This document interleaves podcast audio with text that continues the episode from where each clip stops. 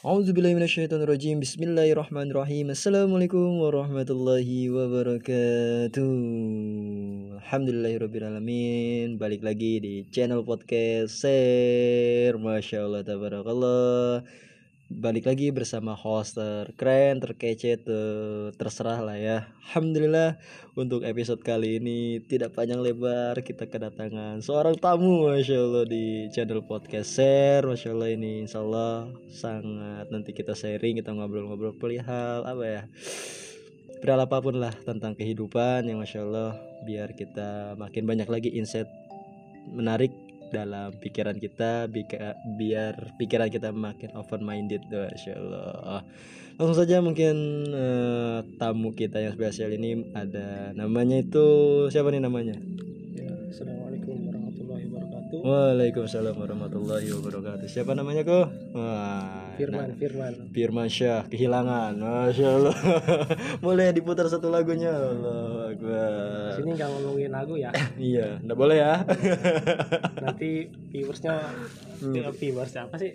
Pendengarnya malah makin banyak nanti. Iya, masya Allah. Iya, masya Allah ini ada Bang Firman. Bang Firman juga salah satu orang yang satu pergerakan, masya Allah masih satu komunitas di ya di amal soleh bareng ya di Paskas Banten tentunya Masya Allah di pasukan amal soleh gimana nih Bang Firman sehat sehat sehat Alhamdulillah Alhamdulillah sehat. semoga Allah selalu memberikan kesehatan Amin. serta keistiqomahan di jalan dakwah ini Oke, jadi kita pada kesempatan kali ini pengen sedikit ngobrol nih. Sedikit apa banyak nggak apa-apa ya?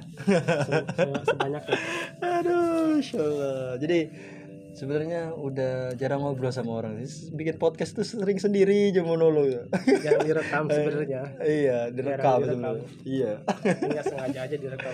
Iya lagi ngobrol sendiri terus direkam gitu. Sebenarnya ini lagi ngobrol aja ngobrol biasa terus direkam aja sebenarnya kan. Iya, iya. ditambahin baik song gitu aja sih sebenarnya. Nah kalau tadi ngomongin kita tuh lagi bahas apa sih tadi itu tentang jin ya tentang Masya Allah tentang rukiah gitu tuh. Kita ngebahas tentang rukiah tadi tuh Masya Allah tabarakallah. Jadi gimana tuh? Tadi katanya uh, ada orang hmm, apa sih biar katanya nggak nikah nikah itu karena ada pengaruh jin kah gitu tuh. Terus perlukah kita rukiah biar dapat jodoh? Nah gimana tuh kang Firman pandangannya kang Firman? Gimana kang? Biasanya tergantung kita lihat dulu ya gangguannya itu dia nggak nikah itu gara-gara apa dulu hmm. biasanya kan oh, saya ini nggak nikah nih milih-milih hmm. apa kurang ada yang cocok jadi kita harus pisahin dulu antara masalah zohir dan goibnya apa dulu hmm. nah, contoh misalnya ada satu ikhwan udah usia lanjut bu usia lanjut ya usia lanjut udah tua udah, dong mungkin dah di angka kepala tiga dia kepala tiga oke okay. terus, terus dia belum ada ikhtiar sama sekali mencari mm. itu kan masalah hal dunia ya contohnya yeah.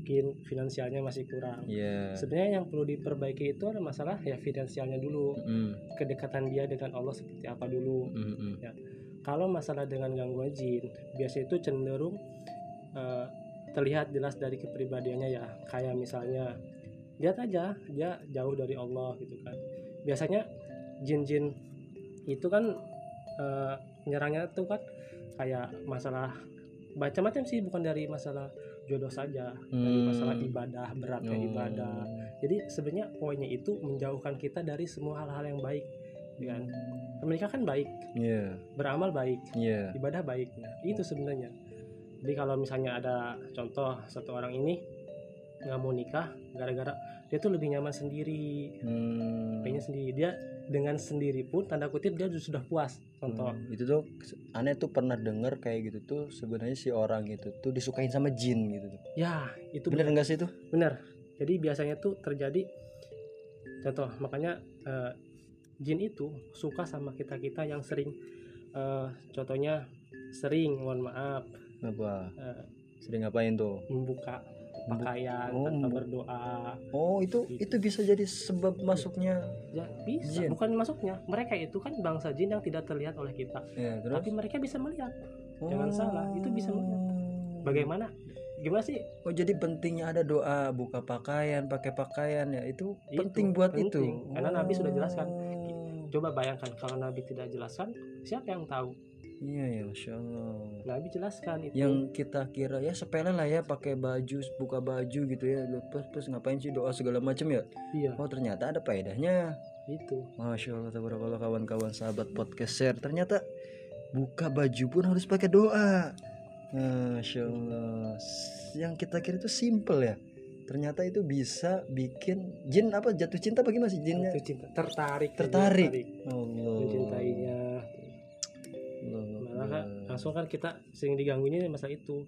Hmm. biasanya orang yang seperti itu sering. Contoh salah satu yang aneh tahu hmm. biasanya sering bermimpi junub. bermimpi apa? Bermimpi bermimpi junub. Apa tuh berhubungan. berhubungan? Ya, sama? orang yang orang dia tidak tahu. Sering sering ya? Oh sering. Sering. Kalau misalnya sekali sekali Allah alam ya. Karena, karena tetap tetap saja ya seperti itu uh, mungkin jin karena oh. Nabi kita Shallallahu Alaihi Wasallam itu tidak pernah mimpi junub. Mimpi junub itu berarti mimpi basah. Ya. Oh. Tidak, tidak pernah. Masya Itu lebih sering. Oh, berarti itu kalau kita mimpi basah segala itu pengaruh jin ya berarti. Allah alam. Biasanya oh, seperti itu. Biasanya ya. Iya. Ya sih emang sebenarnya kan rata-rata kalau misalnya ngalamin mimpi basah itu kalau dengar cerita kawan-kawan ya mimpi ya. basah mereka melakukan tapi tidak tahu sama siapa gitu ya. tuh. Pasti ada hal-hal yang dipikirkan sebelum tidur dong hmm. yang memikirkan hal itu kan dari siapa dari jin, oh kan? jadi ada pemantik dulu ya, ya. gitu oke okay. sebenarnya hal itu memicu banyak sih pemicu-micu itu eh, hal-hal uh, yang bisa ter gini hal-hal yang bisa jin itu suka bukan hanya itu saja itu hmm. hanya sebagian kecil hmm. yang lebih parah itu ya kita membuka pintu pintu jin itu masuk contoh kita percaya sama hal-hal hal-hal yang mistik yang tidak ada dalam syariat. Itu kan contoh melakukan kesyirikan kesyirikan. percaya sama yang katanya normal. Yang katanya orang pintar ya, tapi padahal tidak pintar, pintar. bukan lulusan S3 hmm, ya, ya. itu sebenarnya memasukkan membuka pintu. Hmm. membuka pintu jin masuk. Jadi sebenarnya itu hanya sebagian kecil ya seperti kayaknya uh, gangguan jin mereka tuh tidak mau menikah malas beribadah bahkan durhaka sama orang tua lain-lain lah itu Kayaknya kalau malas beribadah itu tanpa diganggu jin juga emang udah malas orangnya. Emang ya. Aduh. Gimana tuh gimana tadi apa ngelawan orang tua itu ada pengaruh jin juga berarti ya? Mesti ada. Pasti ya, masya Allah, tabarakallah. Nah, biar lepas dari semua itu tuh harus gimana sih kita tuh Bang Firman nerapinnya biar kita ndak gampang kemasukan. Maksudnya pengaruh jin itu biar hidup kita lebih tenang, biar kita kan misalkan wah tadinya orang mau hijrah nih kok kayaknya rasanya sulit gitu tuh. Kok rasanya makin kayak ada yang nggak kekang di tubuh kita tuh. Apakah itu masih ada pengaruh jin kah bang bang Firman? Mesti kan kita tahu sendiri ya namanya jin itu setan itu adalah musuh kita. Mm-hmm. mesti dong setiap detik kita dipengaruhi oleh setan. Dan jin-jin yang tidak beriman gitu ya. Mm. tepatnya setan. Jin tidak beriman ya karena jin itu kan uh, ada jin muslim ya? Eh ya, jadi sih? gini uh, pengertian itu kan makhluk itu kan ada manusia dan jin iya. ya kan? Manusia jelas ada yang beriman ada yang, ada yang tidak. kufur. Ya kufur. Ya jin juga sama ada yang beriman hmm. ada yang kufur. Nah kalau yang beriman itu yang beribadah, jin muslim. Ya, yang beribadah kan? beribadah. Yang kufur itu yang setan itu. Hmm. yang kufur itu disebut setan. Nah Beres. kalau jin yang setengah-setengah dia beriman bersyahadat tapi dia sering mengganggu itu namanya jin fasik Oh, sama, sama manusia gitu kan. Sama. oh, jadi kan oh berapa tesan ayat Quran tuh bilang, maka aku menciptakan manusia dan jin itu ya untuk beribadah. Berarti ada kesamaan dong ya. Iya. Manusia sama jin itu sifatnya emang kan? Kalau jin yang kafir, ya itu berarti setan disebutnya. Oh. Kalau kita kan non kafir itu ya non muslim gitu. Ya, ya, ya. ya. Gitu sih. Kafir aja sih. Ya, usah non muslim. ya, sorry.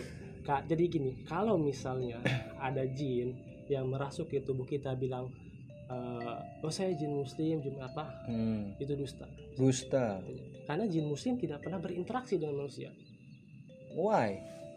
Memang seperti itu. Kalau benar-benar jin itu kayak gini jin itu dia benar-benar muslim dia tidak akan berinteraksi di dengan manusia dan oh itikaf berarti di masjid jinnya. Mereka pun beribadah oh gitu. jadi udah sibuk sama ibadah dia iya. ibadahnya ya sama Allah ya. Iya. udah enggak enggak enggak ya udah nggak mikirin lagi ngapain nggak manusia kan ya, ya biasanya jin-jin fasik seperti itu. Oh yang jahil ya yang masih jahil istilahnya iya, ya. Yang beriman tapi dia masih melakukan maksiat. Iya kayak ya manusia aja kayak gitu berarti ada juga ya jin yang jadi uh, gini loh konsep jin. Kadang gini ya kenapa sih ini bicara masa jin ya? Kenapa sih uh, banyak dukun-dukun itu yang disebut pintar mm. yang disebut normal. Sesungguhnya mereka itu sedang menjatuhkan dirinya. Menjatuhkan. Ya. Ingat manusia itu lebih baik daripada jin. Mm. jelas manusia.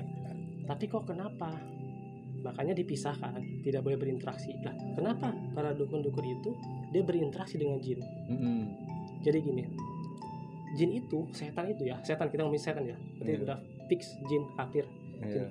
mereka itu pasti uh, gimana ya mereka itu takut dengan manusia mm. karena apa manusia disebutkan dalam Quran kan rajanya khalifah di muka bumi ini hmm.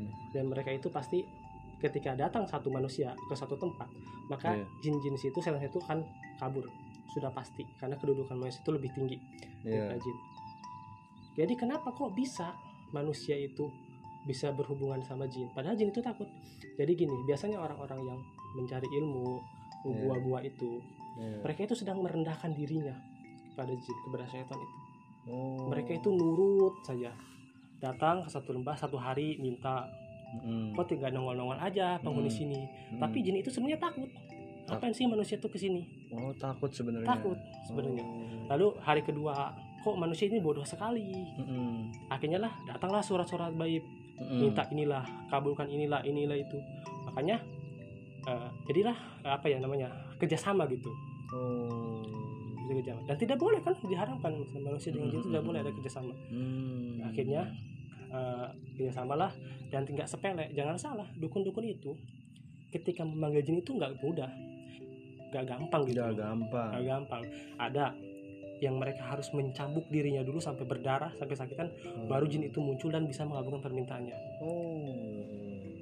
ada yang sampai mohon maaf hmm. makan kotorannya sendiri Allah untuk jin itu bisa mengabulkan permintaannya. Katanya itu orang normal ya? Iya. Paranormal. Enggak salah. Paranormal. Memang nggak, ya maksudnya nggak gampang jadi dukun itu. Memang seperti itu. Hmm, hmm, hmm, Makanya ya itulah. Yang dan ketika kita, mohon maaf, oh saya suka sama dia, gimana caranya dia suka sama saya? Itu sebenarnya kita sendiri membuka pintu untuk diri kita sendiri. Maksudnya? Jadi gini pak, gitu. kita tahu, ya, ya. jin itu kalau mendapatkan reward terbaik dari iblis kan kita bisa jalan jin pasik uh, jin kufur ya mm-hmm. setan nah setan itu punya raja siapa rajanya apa iblis oh iblis itu raja iblis iblis itu rajanya rajanya oh. setan dia punya keturunannya banyak banyak banyak itu setan itu keturunan oh iblis itu mesti banyak kenalan kayaknya sama iblis sama setannya biar maksudnya biar kita nggak kira sama maksudnya. Jadi iblis itu ya satu gitu iblis oh. itu rajanya. Raja. anak buahnya setan-setan kalau kalau masuk ke dajjal tuh oh itu panjang lagi berarti ya bahasannya. Dajjal itu lebih ke mungkin cucunya Allah alam ya. Berarti masih iblis yang masih tinggi? Betul. iblis. Iblis, kalau dajjal itu siapa sih itu ya itu ya, Allah alam saya kurang tahu ya gitu. Oh belum mendalami ya nanti itu paling nanti. uh, antum belajar dulu lah tentang dajjal nanti iya. kita cerita tentang dajjal boleh, boleh, boleh. ya udah kita sampai iblis dulu tadi. Iblis tuh rajanya berarti. Rajanya. Jadi ketika uh, setan itu uh, dikasih tugas misalnya oh setan hmm. sudah gimana? Oh saya sudah menggagalkan orang sholat. Ah biasa hmm. saja cari lagi yang lain. Oh, oh. setan oh saya sudah menghasut orang untuk mencuri. Ah yeah. biasa saja mencuri. Oh saya sudah menghasut orang untuk membunuh. Ah biasa saja. Tapi kalau setan itu menghasut oh saya sudah menceraikan suami istri wow kamu dapat uh, reward dari saya hmm. dan kamu duduk di sana dan kamu hmm. sudah tidak usah bekerja lagi selamanya oh ingat rewardnya tinggi oh rewardnya tinggi kalau bisa bikin cerai satu pasangan nah kita balik lagi ke pasal dukun iya yeah. itu nah. tadi spoiler aja ya iya. contoh misal ada si A suka sama mm. si B mm. gimana nih suka sama si B nih pak dukun biar dia suka mm. oke tenang eh, saya mantra-mantrain mm. nanti dia suka awalnya suka sampai pun dia rumah tangga gitu kan setahun dua tahun oke dua tahun tiga tahun sedikit lah mulai setan itu mengganggu karena mm. dari awalnya pun dia mendapatkan si istrinya itu dengan cara yang tidak baik. Hmm, dia membukakan lewat, pelet lah ya, ya bahasa kerennya ya, bahasa itu di situ juga kan pasti ada akan ada masalah sedikit-sedikit. Hmm. Ya kan. Akhirnya tidak suka lah lama-lama suaminya masalah sering ada masalah di keluarganya ini, ini. Akhirnya menyebabkan perceraian. Nah itu baik lagi. Itu setan yang nganggu oh. makanya pas ditanya Ustadz istri saya seperti ini. Pernah ada ya satu rupiah istri saya seperti ini seperti ini seperti ini. Pas ditanya rupiah e, ini istri bapak kena gangguan jin? Masa sih? Kan kita rajin sholat ini ini ini itu. Ya kan? Banyak ininya kan. Ternyata bapak ingat nggak apa yang pernah bapak lakukan dulu saya tidak pernah apa-apa. Oh akhirnya setelah tanya-tanya orang itu ngaku oh saya pernah dulu mendapatkan istri yang cara ini ini. Nah itulah penyebabnya gitu loh. Hmm, itu penyebabnya. Jadi awalnya ya. Jadi kita tuh sebenarnya jangan membuka pintu-pintu syaitan seperti itu. Seperti hmm. nanya ke dukun apa buka ini pempet inilah apalah gitu loh. Men, jadi banyak sebenarnya yang cara bukanya. Itu kan ketika orang itu nggak mau nikah oh saya tuh benci sama dia udah saya dia dia dia, dia tuh nggak nikah nikah sama orang lain hmm. itu kan itu bisa kena oh. dalam artian dia juga lemah juga imannya oh. ya, sebenarnya kalau kan misalkan kita biar nggak kena sihir gitu hmm. nggak kena ya kayak gitu tuh sebenarnya buat ngebentengin itu gimana sih gitu tuh cara kita ngebentengin diri gitu tuh pertama kan minta tolong sama Allah dulu kita minta tolong sama Allah Allah kan zat yang maha kuat yang kedua tuh banyak-banyak zikir pagi petang. Oh zikir pagi petang ya? Itu luar biasa kayaknya kalau kita. Bahasa mungkin ada satu orang yang membahas masalah zikir pagi petang itu luas bisa bisa dicek lah ya. Mm-hmm. YouTube itu lebih lebih paham lah saya kurang paham. Jadi mm. dan intinya maknanya itu apa ya uh, manfaat itu sangat luar biasa. Ya, aneh juga pernah denger gitu tuh selewatan lah kalau aneh kan. Maksudnya manfaat manfaatnya zikir pagi petang itu kalau kita amalkan itu insya Allah kita bakal terhindar dari ya gangguan-gangguan kayak gitu sebenarnya itu aja cukup sebenarnya tidak usah kita pergi ke orang yang normal katanya kan ya.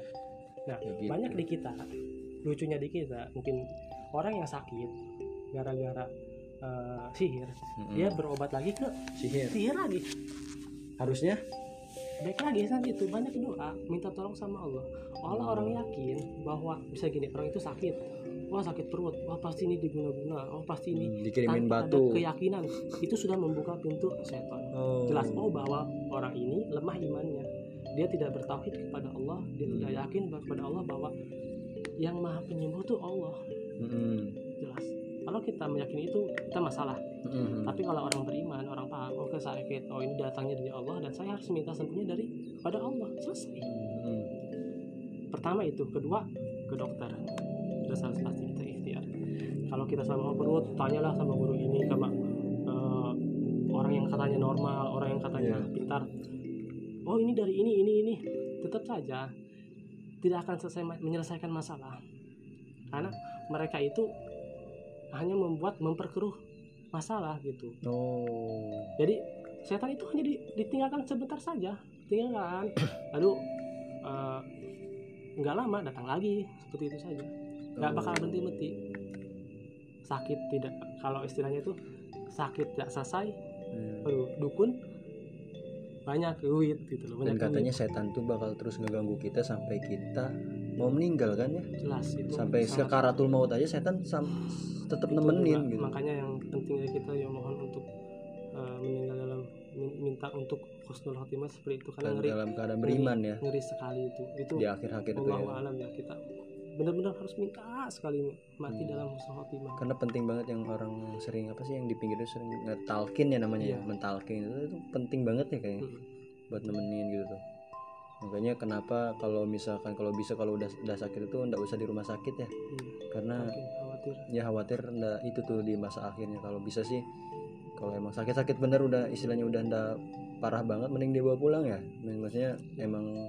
bukannya kita udah ndak mau ikhtiar segala macam ya maksudnya itu buat ngejaga itu sih sebenarnya ya Kang Firman karena banyak kan kayak gitu tuh tahu-tahu udah loss aja itu kita ndak tahu tuh di akhir hayatnya mati dalam keadaan beriman atau enggak itu Allah alam kita yang penting uh, husnuzon terus. Iya. Ya beriman.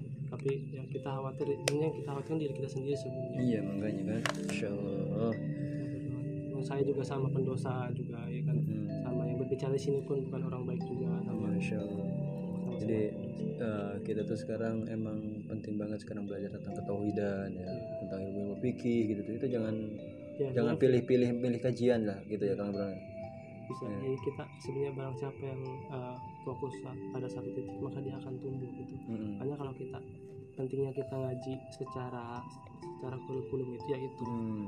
jadi jangan sampai gini oh sana ngaji pas pranikah nih ikut yeah. ke sana yeah. ini ngaji masalah parenting nih ikut ke sini rame ya rame, rame ya. sebenarnya gitu itu kan. apa sih yang kita, kita lihat Nabi Shallallahu Alaihi Wasallam berdakwah masalah tauhid di Mekah 13 tahun Allah 13 tahun ya hmm. dakwah tauhid. tauhid belum belum turun ayat sholat belum turun hmm.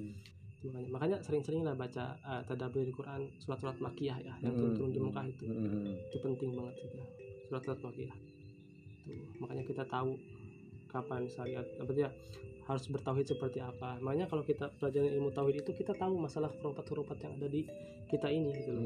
Masalah-masalah. Hmm. Mending kalau hurufat itu yang hurufat yang biasa, tapi kalau yang mengandung kesyirikan oh itu hmm. bahaya itu. Hurufat itu apa sih Kang Benar saya nggak tahu apa sih hurufat. Hurufat itu ibaratnya istilah gini, banyak kolot kolot bahula. Hmm. Kalau orang zaman dulu ya. Ya, keyakinan-keyakinan yang menyimpang gitu loh keyakinan-keyakinan yang oh iya iya huruf tuh ya ya ya kata orang dulu gitu cek cek kolot bahula kalau bahasa Sunda namanya iya. Hmm, coklat bahula mah ulah gitu ceng. Hmm. cicing di hari pintu teh jauh kal jodoh gitu kan. Nah padahal? padahal menghalangan ya.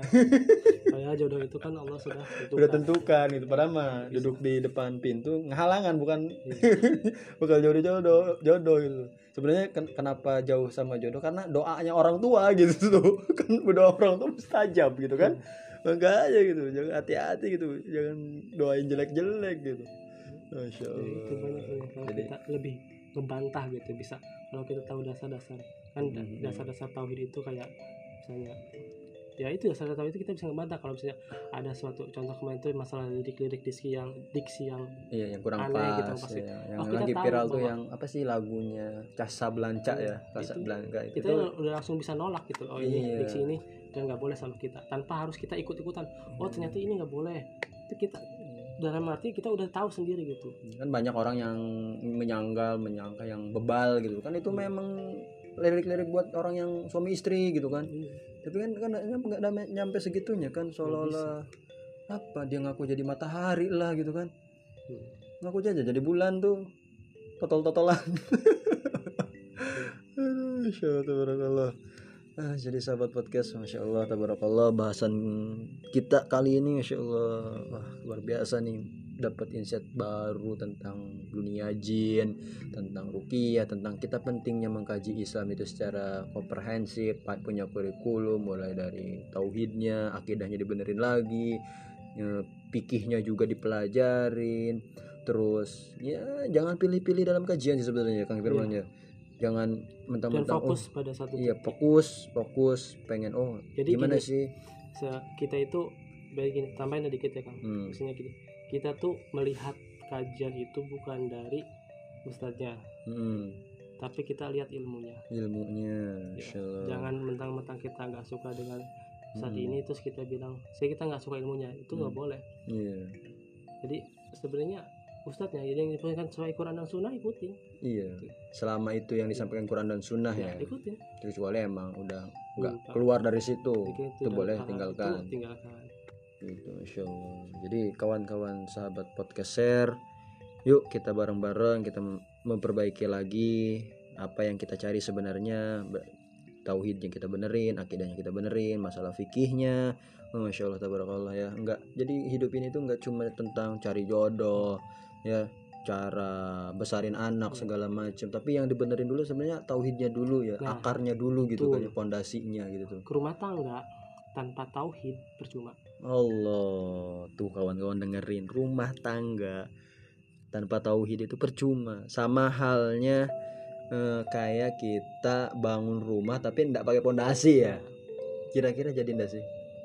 Nggak bisa melayang ya kayaknya rumah apa? Enggak ada pondasi. Kalaupun rumah pohon tetap ada pondasi kan? Pohonnya kan? Hmm. ya enggak iya ya? akarnya bagaimana bisa hidup? Iya gimana jadi nah, hidup iya. enggak eh, mati enggak nah nggak ada pondasinya kayak kayak tenda. Ya. kayak tenda ya tenda hajatan roboh lagi. Kalau ada angin dikit aja langsung roboh kan? Nah, kayak gitu kawan-kawan. Kalau kita emang nggak ada pondasinya gitu. tapi kalau kita punya pondasi kayak misalkan cakar alam yang jembatan-jembatan itu dalam nah, itu kan lumayan kuat ya Bu, di penting penting itu penting itu. banget karena tauhid itu mengakar ke dalam ya iya. gitu tuh. Harus jadi nancep. Jadi itu kalau kita udah benerin tauhidnya, semua aspek itu sebenarnya udah enak ya kita ya, iya. maksudnya. Karena simpel kita masalah tauhid, masalah syirik itu bahaya sekali. Hmm. Kita ibadah berpuluhan tahun, yeah. melakukan kesyirikan sekali saja, dosa kita terhapus semua. Oh, apa? Kita bertahun-tahun hmm. beribadah kepada yeah. Allah.